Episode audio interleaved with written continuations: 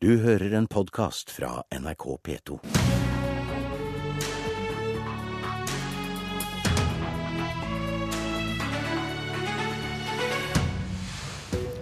Regjeringen åpner for at eh, sykehusene skal kunne leie eller lease helseutstyr og bygg av private aktører. Feil bruk av fellesskapets penger, hevder Arbeiderpartiet. Og mens alles øyne er rettet mot regjeringens forhandlinger om neste års statsbudsjett, legger SV i dag frem sitt første alternative budsjett på ti år. I kjent SV-stil er det velferd, skole og miljø som er stikkordene. Audun Lysbakken kommer hit til Politisk kvarter litt senere, men først så skal vi til eh, sykehusene og regjeringen. For eh, nå åpnes det for at eh, de skal kunne leie medisinsk utstyr av private aktører på inntil 100 millioner kroner per avtale. Det synes ikke Arbeiderpartiet noe særlig om, sier de frykter at helseforetakene igjen vil ende opp med store underskudd. Begynner med deg, helseminister Bent Høie. Hvorfor åpner dere for at man skal kunne leie eller lease medisinsk utstyr og bygg av private? Ja, hovedårsaken til dette er faktisk at de reglene vi har i dag er så ufornuftige at eh, sykehusene ikke har klart å forholde seg til dem. Rett og slett f.eks. når de skal bygge en ambulansestasjon og ser at eh, kommunen ønsker at den også skal inneholde en legevakt og andre kommunale tjenester, så vil kommunen bygge det, og så vil sykehusene leie det som de trenger for å samarbeide med kommunen. Og Så kommer Riksrevisjonen nå og gir oss kjeft, fordi dette har de ikke lov til. fordi hva er det de ikke har lov til? Nei, De har ikke lov til å leie lokaler av en viss eh, størrelse av eh, kommunen, fordi at det blir ansett som eh, finansiell leasing. og Dermed så eh, skal eh, sykehusene tvinges til å måtte bygge sitt eget bygg på siden av kommunens bygg. og Det er helt eh, tåpelig, spør du meg. og Derfor endrer vi regelverket. Men så mener jeg òg at det er fornuftig at de som er ledere lokalt, sammen med de som jobber med pasienten, og hvis de ser at her har vi en flaskehals, den bør vi løse raskt. Her kan vi inngå en, for en leieavtale på noen medisinsk-teknisk utstyr som en trenger, så syns jeg at det er en mulighet, en fleksibilitet, som de skal ha. Men de skal selvfølgelig for, ikke... tenke fornuftig og klokt om hvordan de bruker pengene. Ja, Vil ikke dette fort kunne bli dyrt med å leie noe til en eh, veldig dyr rente? Ja, Det varierer jo. Eh, noen ganger så kan det være lurt å leie et utstyr fra en, en leverandør som eh, sier at hvis vi leier dette utstyret, så er vi sikre at vi har en kvalitet eh, over eh, mange år.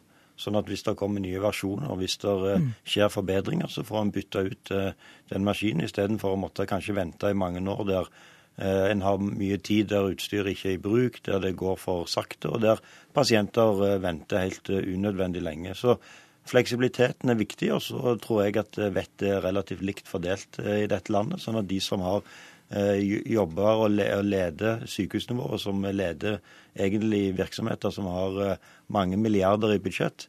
Det er kloke mennesker som benytter denne muligheten når det er klokt, og så lar de være å benytte den hvis det ikke er klokt. Ja, Torgeir Micaelsen eh, Høie hevner her at årsaken er fordi regelverket i dag ikke fungerer. Et regelverk dere satt og, og regjerte med.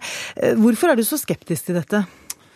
Altså, jeg er jo enig i at vettet er veldig bra veldig mange steder. Men uh, når folk får tilgang på ulike si, metoder å kunne investere mer uten å måtte betale med en gang, så vet vi av erfaring. F.eks. sist gang Høyre styrte helsebudsjettet, så ble det store underskudd fordi det skal jo betales på et tidspunkt. Uh, og Høie sier jo selv til Stortinget at han selv skal overvåke dette svært nøye for å sikre at dette ikke får et omfang som kommer ut av kontroll. Så han er vel, ikke, altså han er vel litt bekymra, han også. Jeg er enig i at vi trenger mer fleksible både låne- og finansieringsløsninger for sykehusene. Vi har behov for mer moderne bygg, eh, mer medisinsk-teknisk utstyr. Og det er jo full anledning i dag til å måtte lease. Altså Hvis du trenger en bil f.eks., så er jo ikke noe i veien for at et foretak gjør det på den eh, vanlige måten. Men hvis vi er sikre på at dette er noe vi skal ha over lang tid, så er det ikke noen god idé i et land som har ja, Hva bør man gjøre da? 5000-6000 milliarder kroner på bok, og åpne for at sykehus og andre skal da lease dette til en dyrere rente enn det de kunne fått i Norges Bank. Nei, Jeg ser for meg at uh, to ting. Det ene er at sykehusbudsjettet til Høie må jekkes kraftig opp. Jeg har store forhåpninger til KrF og Venstre for det. Selv i Arbeiderpartiet kommer vi til å foreslå et milliardløft for sykehusene utover det Høie har lagt opp til, fordi regningene må betales. Og så er jeg åpne for å se på andre måter vi kan gjøre de lån og investeringsmulighetene som sykehusene har, enda mer fleksible. Vi har gjort de mer fleksible, men det kan forbedres. Men å kjøpe sykehusutstyr på avbetaling, som man i teorien egentlig åpner for her, når det er noen praktiske elementer som burde vært løst, det syns jeg ikke er noen god idé. Ja, Høie, Ville det ikke vært en bedre idé å fått dette inn i uh, helsebudsjettet istedenfor?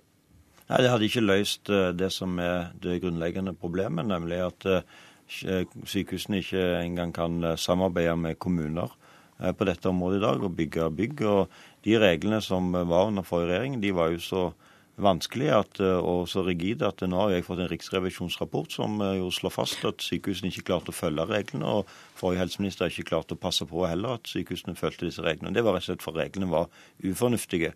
Eh, og Det andre er jo at det er jo ikke nødvendigvis bare et altså En ser veldig isolert seg på at det er liksom et utstyr en kjøper. Det en kjøper, er jo i realiteten en funksjon. En kjøper en MR-maskin for å kunne ta MR-undersøkelser. Og det er jo sånn at selv om en kunne ha lånt de pengene av staten, så ville jo ikke det ha sikra at en hadde den samme kvaliteten på det utstyret over tid. Og det vi ser, det er at eh, ofte så velger en da å, å strekke utstyret så lenge som mulig. Det skaper eh, problemer. Det gir at en har mindre effektivt utstyr enn det en kunne hatt. Det er kostbart, mens dagens regler er så rigide at det legger til rette for å velge ufornuftige løsninger så mener jeg at i eh, de aller fleste tilfellene skal en kjøpe utstyr som en skal ha, eie det sjøl og betale det sjøl. Men i noen tilfeller så er det fornuftig òg å leie en funksjon og si at eh, det er dette nivået vi skal ha det på. Dette er så viktig for må, vår virksomhet. Men jeg må bare høre først, for Det er 100 millioner per avtale, men det er ingen, eh, ikke noe tak på antall avtaler. Betyr det at helseforetakene kan inngå så mange avtaler de vil? I utgangspunktet så kan de det, men dette er jo, dette er jo virksomheter som er som vi eier og har full kontroll med. og Det betyr at hvis vi ser at det plutselig er? Hvis det er et sykehus her som skeier ut, og som liksom Eh, havne, er i ferd med å havne i luksusfellen, så skal jeg nok gripe, gripe, gripe, inn, gripe inn før det. det. Eh, men jeg tror ikke det kommer til å bli et problem. Dette er fornuftige ja. folk som, eh, som, vurderer dette. De vet ikke, at de skal betale regningen. Men Høie, du skjønner at det er, ikke, det, er ikke sy, det er ikke sykehusene jeg er urolig for, som er grunnen til at de skal havne i den luksusfellen som du beskriver. Problemet er at vi har hatt en valgkamp der alle partiene har bydd over hverandre i hva slags forventninger vi skal ha til sykehusene. og Det skjedde mye bra på vår vakt i åtte år, men det er fortsatt veldig mange uløste oppgaver. Det jeg er redd for, er at det budsjettet du har lagt fram, det er for svakt. Det er det ikke bare jeg som sier, det er det Legeforeningen, Sykepleierforbundet, pasientorganisasjonene. Men det har jo ingenting med disse avtalene å gjøre. Jo, det har jo selvfølgelig noe med de avtalene å gjøre, fordi at disse avtalene skal jo betales. Det er jo derfor vi konkurrerer om å si vi skal ha bedre bygg, mer utstyr. Da må penga på bordet. Høye pengene, pengene er på bordet. I mitt budsjett har jeg foreslått en vekst i sykehusene på to milliarder kroner. Så det blir veldig bra ender opp med etter at forhandlingene er i boks. Takk for at dere to kom i studio.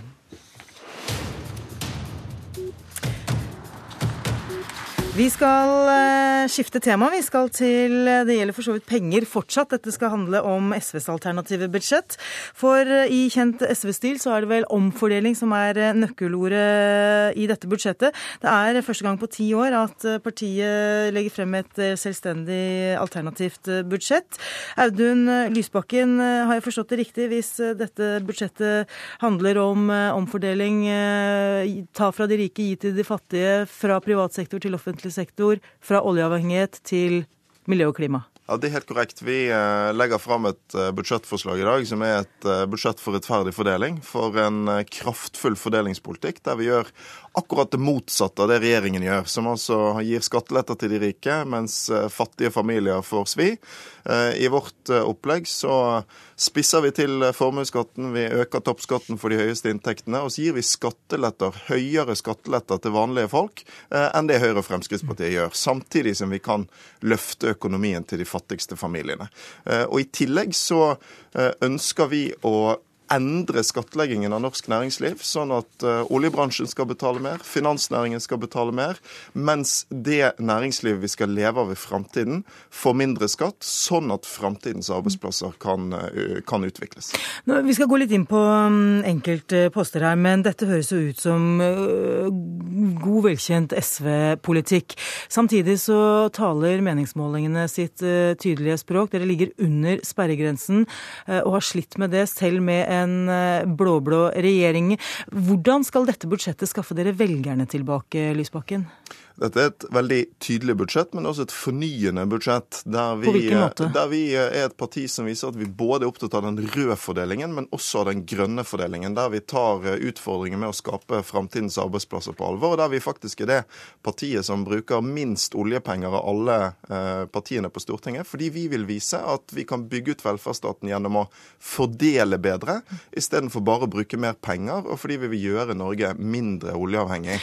Men er det nok rike mennesker i dette landet til at eh, de skal kunne skatte nok for å ta over for oljeinntekten vår? Altså, hvis du eh, gjør det vi gjør nå, nemlig å begynne å skape større rom i norsk økonomi for det næringslivet vi skal leve av i framtiden, så er det fullt mulig. Det vi gjør, er jo å flytte skattetrykket fra eh, det landbaserte næringslivet vi skal eh, leve av i framtiden, og over på en finansnæring som er underbeskattet, og en oljenæring der vi er nødt til å sette bremsene på, både av klimahensyn og av økonomiske hensyn. Og så ønsker vi å nå føre den velferdspolitikken som gjør at vi bygger en velferdsstat som gir bedre oppvekst, større sosial utjevning, mer læring og mer folkehelse. Blant annet heldagsskole. Det er helt Har- riktig. Har dere andre partier med dere på det, tror du? Det er en visjon som vi foreløpig står ganske alene om, og det har ofte vært SV sin rolle i norsk politikk. det. Vi var det partiet som først tok opp kampen for barnehagene. Nå når vi har gjennomført barnehagereformen, eh, i hvert fall i stor grad, så ønsker vi å lansere en ny stor velferdsvisjon for Norge, og det er heldagsskolen. For i dag så er det sånn at uh, vi har et dyrt og ganske varierende uh, SFO-tilbud rundt omkring i landet som mange ikke er fornøyde med. Vi ønsker å bruke den tiden de minste ungene mellom første og fjerde trinn er på skolen, bedre. Da ønsker vi flere lærere, sånn at det blir eh, færre elever per lærer i hele grunnskolen. Og så ønsker vi å få sunn mat, fysisk aktivitet, en bedre skolehelsetjeneste og leksene inn i skoledagen, sånn at vi kan skape en skoledag for de minste barna som gjør at alle får lik sjanse til å lære, at alle får lik mulighet til en god helse. Og Vi tror at det er det største og viktigste prosjektet både for sosial utjevning, læring og helse i Norge i framtiden. Det var kort om SVs alternative budsjett. Jeg tenkte jeg skulle høre litt med deg, kommentator Magnus Takvam. Ut fra SVs eget perspektiv, hva er fornyelsen i dette budsjettet? Det SV og Lysbakken vil signalisere, er jo bl.a. en eh, ja, ny type skattepolitikk der, han, eh, der SV, som han sier, går inn for eh, å også gi næringslivet skattelette, men da vri beskatningen over til andre næringer enn framtidsnæringene, som, som han sier. Også dette med å bruke mindre oljepenger er vel et nytt signal fra SV. Og så er det denne reformen med en heldagsskole som da skal framstå som det nye store velferdsløftet fra SV etter barnehageløftet. Vil de stå alene om dette kravet? Ja, Når det gjelder heldagsskole, så er jo det veldig omstridt. Og det er kanskje en av utfordringene her, at barnehageløftet med makspris osv. ble jo en reform som samlet veldig bredt alle partier eh, på Stortinget. Og der, fikk jo, der hadde SV en lederrolle. Eh, men selvfølgelig eh, en reform som går ut på heldagsskole som det store grepet i den norske skoledebatten er mer omstridt. Alle vet at det er blant Eh, en lærermangel her i landet. Mange faller fra under lærerutdanningen osv. Så, videre. så det, det er mer kontroversielt og ikke så samlende. Men det er da altså SVs eget, eget eh, forslag. Hvorfor er det så vanskelig for SV nå å, å få velgerne tilbake etter at de kom i opposisjon?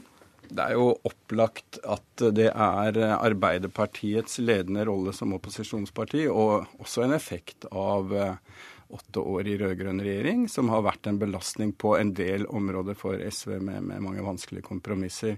Så det er nok slik at f.eks. i skattepolitikken langs denne venstre-høyre-aksen og, og den kritikken av regjeringens skatteprofil som SV kommer med, den har på en måte Arbeiderpartiet i øyeblikket hegemoni på. De er også imot regjeringens skattepolitikk. Og det er klart, I miljøpolitikken så har også SV konkurrenter både i Venstre og Miljøpartiet. Slik at i kjernesaker så er det ikke entydig SV velgerne Men med dette budsjettet, tror du noen kommer tilbake? Det er vel et første skritt, og det er et forsøk fra SV å tenke langsiktig og fornye politikken sin, som de selvfølgelig er nødt til. Mm. Sier vi eh, takk til kommentator Magnus Takvam og SV-leder Audun Lysbakken. Politisk kvarter denne tirsdagen er slutt. Regjeringsforhandlingene om årets statsbudsjett fortsetter klokken tolv. I studio i dag Cecilie Roang Bostad. Du har hørt en podkast fra NRK P2.